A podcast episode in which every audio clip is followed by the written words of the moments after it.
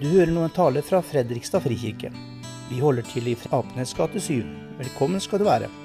Ønsker du mer informasjon, finner du det på fredrikstadfrikirke.no. Ja, Som Tommy sa, det er, det er fine tekster jeg har funnet til i dag. Men det at de er fine, betyr ikke nødvendigvis at de er enkle. For tekstene skal tåle møte med livet også, og det er det jeg skal se litt på i dag. Hva skjer når disse tekstene møter livet vårt? Først skal jeg lese den tredje teksten fra Matteusevangeliet, kapittel 6. Da er vi i bergprekenen, en del av Jesus' store undervisning, som strekker seg over tre kapitler der. Og Jesus sier, 'Derfor sier jeg dere:" Vær ikke bekymret for livet, hva dere skal spise, eller hva dere skal drikke. Heller ikke for kroppen, hva dere skal kle dere med. Er ikke livet mer enn maten, og kroppen mer enn klærne? Se på fuglene under himmelen. De sår ikke, de høster ikke og samler ikke i hus. Men den far dere har i himmelen, gir dem føde likevel. Er ikke dere mer verdt enn de? Hvem av dere kan vel med all sin bekymring legge en eneste alen til sin livslengde? Og hvorfor er dere bekymret for klærne? Se på liljene på marken, hvordan de vokser. De strever ikke og spinner ikke. Men jeg sier dere, selv ikke Salomo i all sin prakt var kledd som en av dem. Når Gud kler gresset på marken så fint, det som gror i dag og kastes i ovnen i morgen, hvor mye mer skal han ikke da kle dere, dere lite troende? Så gjør dere ikke bekymringer og si ikke 'Hva skal vi spise?' eller 'Hva skal vi drikke?' eller 'Hva skal vi kle oss med?' Alt dette er hedningen opptatt av. Men den far dere har i himmelen, vet jo at dere trenger alt dette. Søk først Guds rike og hans rettferdighet, så skal dere få alt det andre i tillegg. Så gjør dere ingen bekymring for morgendagen. Morgendagen skal bekymre seg for seg selv. Hver dag skal ha nok med sin egen plage. Ja, Er det flere enn jeg som tenker at dette kan bli litt i overkant naivt? Altså, Et menneskeliv er ganske mye mer komplisert enn livet til en blomst eller til en fugl. Og det er ganske mye mer som kan gå galt og skape bekymring i et menneskeliv enn i et fugleliv eller et blomsterliv. Altså, burde blomstene og fuglene være bekymret, de også, sånn som vi mennesker herjer med naturen? Eh, men den teksten vil si oss noe om det at vi har en Gud som vi kan ha tillit til, som, en, som barn kan ha tillit til en god far. Og Det er det jeg skal utforske litt uh, i dag. Jeg har funnet tre områder av livet som, uh, som er sånn at er, på, på, den ene siden så er det godt å ha tillit, og på den andre siden kan det være krevende å ha tillit. Og Det første av de tre punktene det er tillit til frelsen. Det er på en måte der, der vi starter. Vi har en Gud som elsker oss, som vil være vår gode far, som har sendt Jesus for å ta straffen for syndene våre, sånn at veien til himmelen er åpen for oss. Og, og, har du vært på noen møter og gudstjenester og lest litt i Bibelen og vet litt om hva kristen tro um, er for noe, så er det gammelt nytt for deg. Da, da vet du det. Og, og, hvis det er gammelt nytt for deg, så er det bra. Det er, um, det, det er bra at du har fått med deg det. Og, og så er det likevel sånn at tanken kommer fort at Men nå når jeg er blitt en kristen og skal leve livet som Jesu disippel, leve et liv som er til glede for Gud og for min neste, da ser jeg fort at der kommer jeg fort til kort.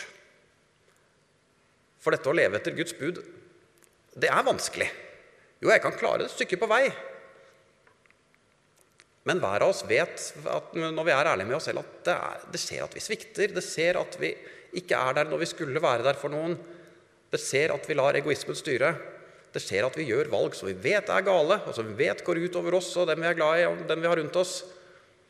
Og så gjør vi det likevel. Og da kommer fort den tanken Kan jeg fortsatt være Guds barn når jeg gjør sånn som nå? Og Kanskje kommer du i kirken og ser rundt deg og ser alle de fine og prektige kirkefolkene som sitter rundt deg, og tenker de skulle bare ha visst hvordan jeg er. Da Da hadde ikke jeg kunnet, kunnet vise meg her. Hvis du skulle tenke sånn, så skal jeg i hvert fall fortelle deg en hemmelighet som er grei å vite, og det er at de fine og prektige kirkefolkene du ser rundt deg, de er ikke så fine og prektige som du tror. Fordi alle har vi noe å streve med. Tenkte vi kunne ta en liten runde nå, så forteller vi litt om det. sånn at...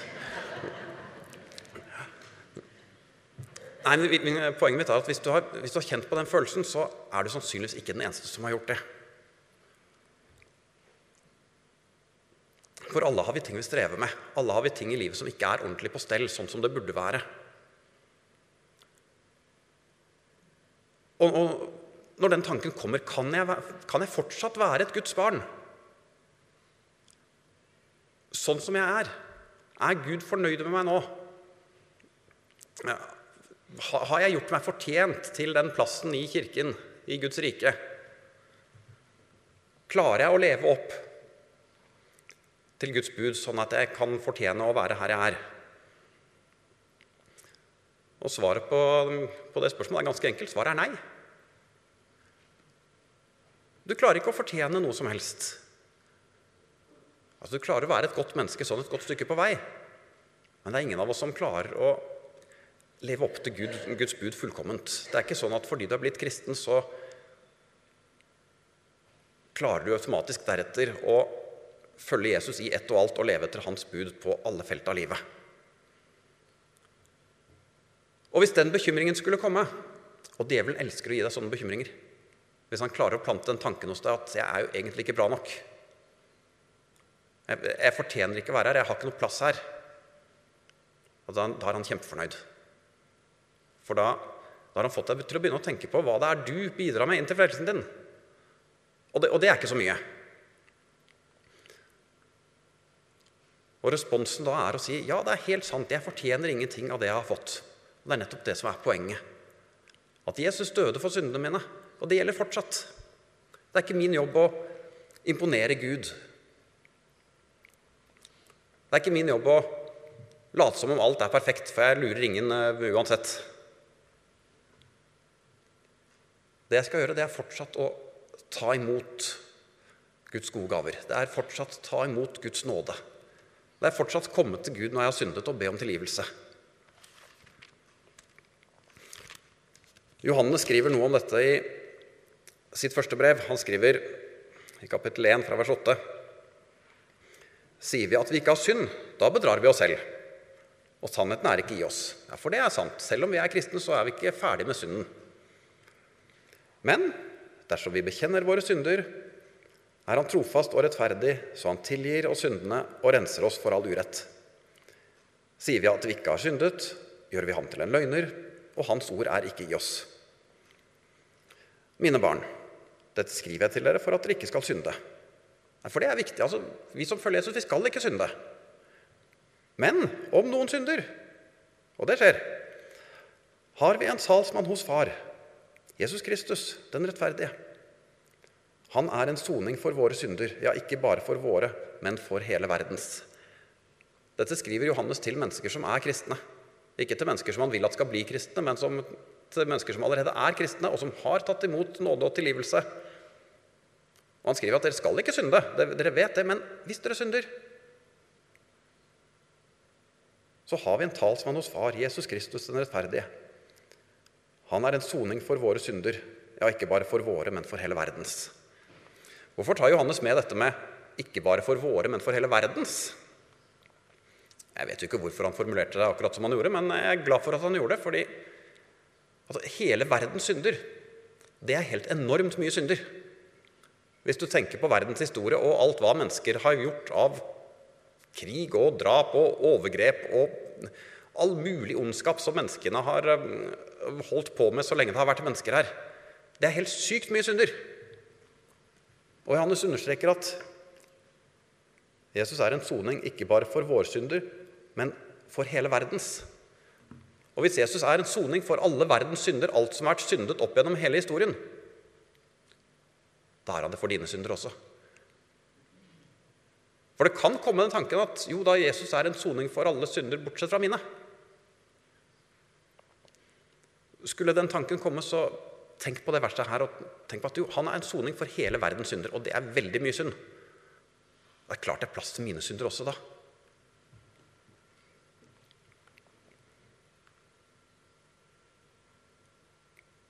Det er den første tilliten som vi trenger å ha på plass. Tillit til at vi er frelst. Og det er fortsatt ikke vår oppgave å imponere Gud og være bra nok for Gud. Oppgaven vår er fortsatt å ta imot det som Jesus har gjort for oss, og ha tillit til det som Jesus har gjort for oss. Har du den tilliten på plass, så har du et godt utgangspunkt for å leve et liv med, eh, med mye tillit og mindre bekymringer. Men altså, selv om du vet at syndene dine er tilgitt, og alt det der er på plass, så er det fortsatt mye i livet som kan gå galt. Altså alt fra renteøkninger til sykdom til uh, tilfeldige uh, ulykker som kan ramme deg eller noen du er glad i. Og det kan fortsatt virke ganske naivt å si 'vær ikke bekymret for noe'. Jeg, jeg, vil faktisk si det så sterkt at det å si, si 'vær ikke bekymret for noe', det gir ikke mening hvis ikke du er kristen. For Hvis ikke du er kristen, da har du nok av bekymringer. Og du har ingen steder å, å ta de bekymringene dine. Men er du kristen, så kan du gjøre sånn som Paulus skrev til menigheten i Filippi. I den teksten vi hørte. Vær ikke bekymret for noe, men legg alt dere har på hjertet, framfor Gud. Be og kall på ham med takk.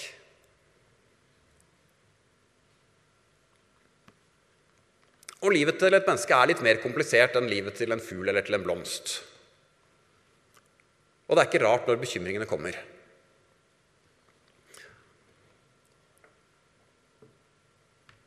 Jeg, jeg syns det kan være nyttig å dele bekymringene i to grupper. Jeg kaller det for konstruktive bekymringer og destruktive bekymringer. De konstruktive bekymringene de er nyttige. Det er en sånn type bekymringer som ja, er, er mønsterdybden på vinterdekkene mine bra nok? Hvis du blir bekymret for det, så tar du en tur til et verksted og får den til å sjekke, og så enten er den det, eller så er den ikke det, og da bestiller du nye dekk, og så er den bekymringen ute av verden. Og Konstruktive bekymringer det er sånne bekymringer som, som, du kan gjøre noe med. Som driver deg til handling. Som, som får deg til å huske at ja, ja, det må jeg få gjort. Det må jeg fikse. Og så fikser du det, og så er bekymringen ute av verden. De destruktive bekymringene det er sånne ting som du ikke får gjort noe med.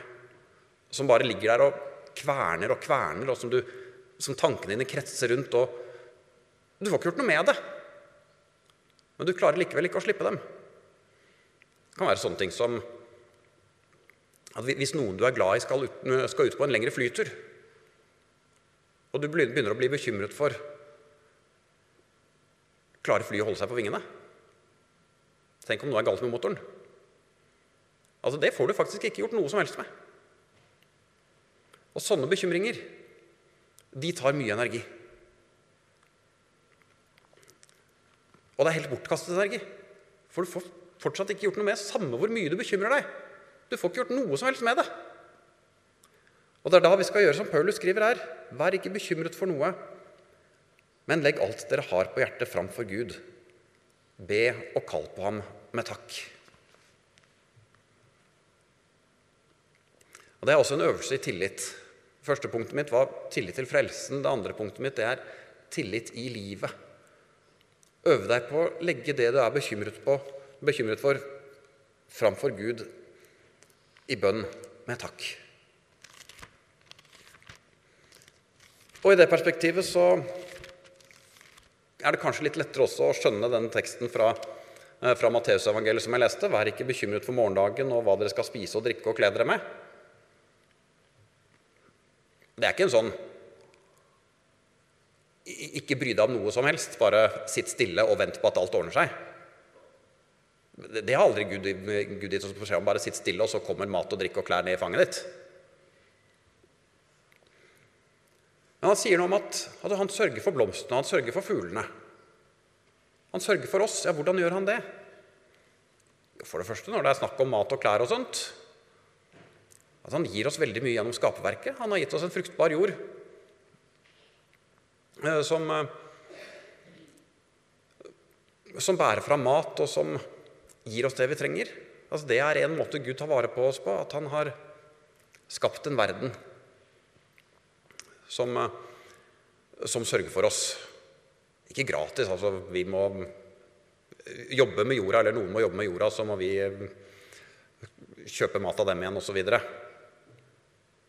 Men alt dette ligger der klart til oss. Så kan vi si mye mer om det at vi må ta vare på jorden, og vi må dele med hverandre, for vi deler ikke rettferdig osv. Det kan bli en egen preken, men den, det får bli en annen gang. Utgangspunktet er at denne jorden sørger for oss, denne jorden som Gud har, har gitt oss. Så vi takker Gud for maten, ikke fordi det er han som har bakt brødet, men fordi han har skapt en verden som det kan vokse korn på, som vi kan lage brød av.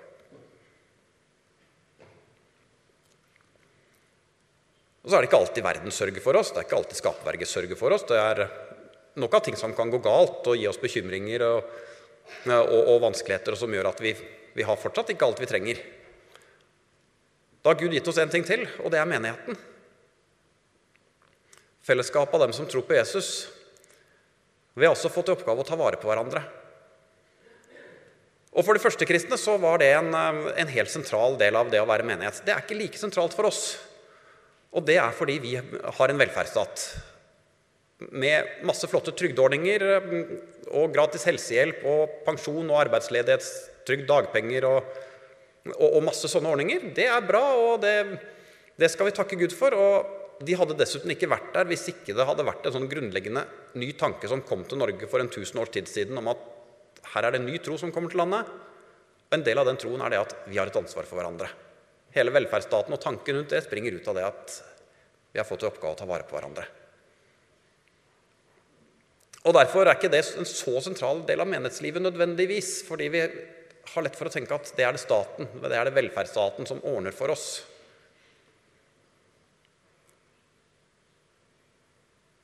Det betyr ikke at den delen av menneskelivet hører til historien.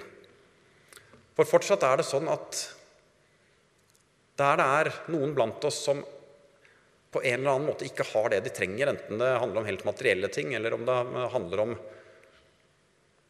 vennskap, relasjoner, noen som, der, noen som er der for dem. Vi har fortsatt et ansvar for å ta vare på hverandre. Og det er også en av måtene Gud tar vare på oss på, ved at han har gitt oss hverandre med en oppgave å være der for hverandre når det er noen som trenger oss. Og Jesus sier, 'Søk først Guds rike og hans rettferdighet'. Så skal dere få alt det andre i tillegg. Så gjør dere ingen bekymring for morgendagen. Morgendagen skal bekymre seg for seg selv. Hver dag har nok med sin egen plage. Altså Ikke ta bekymringene på forskudd. Ikke gå kvern på ting som du ikke får gjort noe med. Overlat dem til Gud. Han kan gjøre noe med dem. Det du skal gjøre, det er å søke Guds rike og hans rettferdighet. Og så sier Gud at da skal du få alt det andre i tillegg. Og alt det andre, hva betyr det? Jeg tror ikke det betyr alt du har lyst på. Jeg tror det betyr alt du trenger, alt du virkelig trenger. Altså For det første frelsen, som jeg nevnte, håpet for, eh, for evigheten, håpet som går utover dette livet. Og for det andre at han har gitt oss hverandre for at vi skal ta vare på hverandre. Det er også et, et tegn på Guds godhet i det livet vi lever.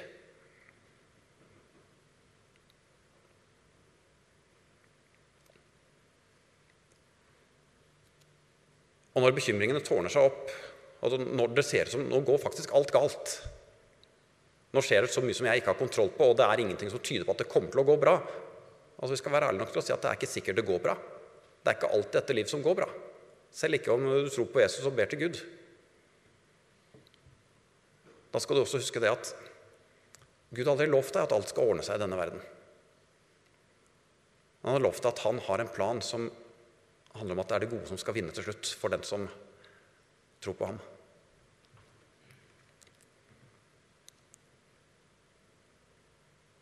Og kanskje har vi noen ganger lett for, for, å sette oss litt fast i forventningene til denne verden og til velferdssamfunnet og det, alle disse gode ordningene vi har laget oss for at vi skal ha gode liv her. Og det er bra, men det, det, holder, det, holder, ikke helt i mål. Det holder ikke i møte med døden. Det holder ikke i møte med alt vondt som kan ramme oss. Gud holder i møte med alt som kan ramme oss. For uansett hvor galt det skulle gå i dette livet, så han, har han lovt oss et håp som går utover dette livet.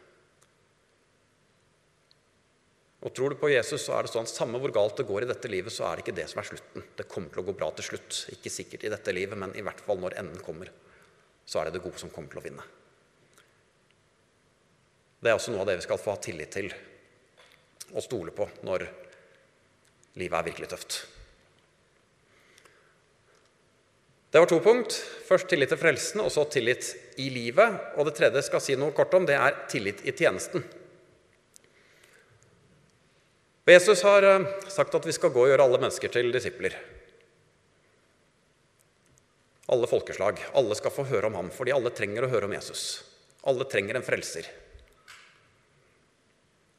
Bl.a. for at alle mennesker skal få, få del i det jeg har snakket om i den talen så langt. Og det er jo et monster av et oppdrag. Så alle folkeslag til disipler. Og så er det så viktig. Ja, Det er ikke sånn ja, vi skal bake en kake til kakelotteriet til idrettslaget, og så skal vi gjøre alle folkeslag til disipler. De to oppgavene det er liksom i helt hver sin dimensjon. Kakelotteri er fint og viktig, det, men, men å gjøre alle folkeslag til disipler altså, Alt står og faller på det. At, at, alle må få høre, for dette gjelder frelse og fortapelse. Det er ingenting som er mer viktig enn at alle får høre. Og Tar du det virkelig innover deg, så går det an å bli gal av det.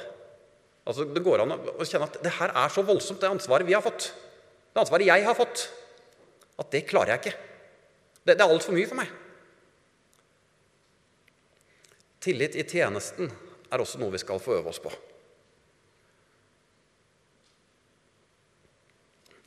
Jeg vet om mennesker som har mistet troen fordi dette ble for mye for dem, og de klarte ikke å forholde seg til det. Men her er også noe av nøkkelen bønn. I Matteus 9 og 10 leser vi om at Jesus sender disiplene ut i sin første praksisperiode, kan vi nesten kalle det. Og Da sier han til dem, Matteus 9, vers 37.: Høsten er stor, men arbeiderne få. Ja, det er sant. Det er, det er en stor innhøstning. Det er masse å gjøre. Det er masse mennesker som trenger å høre på Jesus. Høre om Jesus. Men arbeiderne er få. Hva skal vi gjøre da? Jo, slit dere ut. Jobb døgnet rundt, hver våkne time, og sov minst mulig for at flest mulig skal få høre. Nei, det er ikke det Jesus sier. Han sier, be derfor høstens herre sende ut arbeidere for å høste inn grønnlands. Altså når det trengs flere, når det trengs flere hender, når det trengs flere som er med. Det er ikke meninga at du skal gjøre alt. Det du skal gjøre da, er be høstens herre at han skal sende ut arbeidere for å høste inn grønnen hans. For det er en sammenheng mellom tillit og bønn. Be til Gud. Si 'Dette klarer ikke jeg. Dette må du hjelpe til med'. Og når du har gjort det, så går du videre og gjør det du kan. Og så skal du få tenke at når du har gjort det du kan, det du har ressurser til, det du har kapasitet til, da har du gjort din del. Jesus har aldri sagt at du alene skal sørge for å frelse hele menneskeheten. Han har sagt Gjør din del av det. Og når du kjenner at dette er litt mye, så kan du tenke på en liten gutt det står om i Bibelen, som dro ut en morgen og skulle av gårde og høre på Jesus. Og den Gutten tok med seg en nistepakke, og den nistepakken den besto av fem brød og to fisker. Passe med mat for en gutt for en, eh, for en dag. Så det seg at det var fryktelig mange mennesker som eh, kom for å høre på Jesus den dagen. Og de fleste av dem hadde ikke tenkt så langt som denne gutten gjorde. Og de hadde ikke tatt med seg matpakke. Og det var 5000 mennesker som trengte mat, og det ble et langt møte, for Jesus talte så bra at alle ville bare høre mer, og det var langt på dag, og til slutt var alle fryktelig sultne. Og de har ikke noe særlig mat. Og så er det denne gutten da som står der med og har en nistepakke med fem brød og to fisk. Så går han til en av disiplene til Jesus og sier, 'Jeg har litt mat, jeg.' Og så tar de det, ham med til Jesus, og Jesus tar imot og, og, begynner å dele ut. Og så gjør Jesus noe som gjør at denne lille matpakken den holder til 5000, eller hvor mange det var. Og Det var ikke fordi denne lille gutten gjorde en så enorm innsats. Det var ikke han som sørget for at alle ble mette. Men han gikk til Jesus og sa, 'Dette er det jeg har. Kan du bruke det?' Og det kunne Jesus. Og sånn prøver jeg å tenke om min tjeneste når jeg kjenner at det blir litt overveldende. At min oppgave det er på samme måte. Komme til Jesus med det jeg har, og si 'Dette kan jeg bidra med. Kan du bruke det?' Og det kan Jesus. Og så er resten hans oppgave. Da er det han som velsigner. Da er det han som gjør at det jeg kommer med, blir det noe ut av. Og hvor mye det blir ut av det, det er det også han som styrer. Min oppgave er å komme med det jeg har, i tillit til at jeg gjør det ikke alene. Jeg gjør det sammen med Jesus. Og jeg skal ikke trenge å gå med byrden av alle verdens ufrelste på mine skuldre. Men jeg skal komme til Jesus og si dette er det jeg kan bidra med. Dette er det jeg har. Og så sa ikke Jesus til denne gutten 'Hvorfor hadde du ikke mer?' Men han tok imot det som kom, og delte ut. Og da holdt det. Fordi det skjer noe hver gang et menneske kommer til Jesus og sier 'Dette er det jeg har. Kan du bruke det?' Og Det gjør også at vi kan hvile og slappe av og tenke at 'Jeg bidrar med det jeg kan'. Og Jesus har aldri bedt meg om å gjøre noe mer enn det jeg kan. Og så er ikke jeg den eneste, og så gjør Jesus sin del også. Så er det han som tar det videre. Ja, Det var de tre punktene vi hadde. Nå har jeg snakket mye om tillit og ikke så mye om bønn, men bønn er en del av det. For bønn handler om å komme til Gud og si 'Jeg trenger deg. Dette må du ta deg av. Dette må du hjelpe meg med.' Og det er grunnlaget for at vi kan ha tillit, at vi har en Gud som vi kan komme til med alt som ligger oss på hjertet. Enten det handler om frelsen, eller om vanskelige ting i livet, eller om tjenesten vår, eller hva det er. Og så bryr han seg om oss. Og så kommer han og er med oss i livet sånn som det er. Han har ikke satt oss her alene, han har sagt at han skal være med oss. Jesus, takk for at vi kan stole på deg. Takk for at vi kan ha tillit til deg. Og Hjelp oss til å ha den tilliten og leve i den freden som det gir å ha tillit til deg. Takk for at du har tatt straffen for syndene våre og frelst oss. Takk for at du er med oss gjennom livet i alt det som møter oss, og at vi kan komme til deg. Takk for at du er med oss i tjenesten, og at du kan bruke oss, og at du er med oss og velsigner det vi kommer med. Og Hjelp oss til å både bidra inn i verden med det vi kan, og det vi har å komme med, og samtidig ha tillit til deg og stole på at du gjør, gjør det du skal, og du velsigner oss, og du er med oss. Og la enda flere mennesker få oppdage deg gjennom oss, så enda flere kan få oppleve å ha tillit til deg og leve livet med deg. Amen.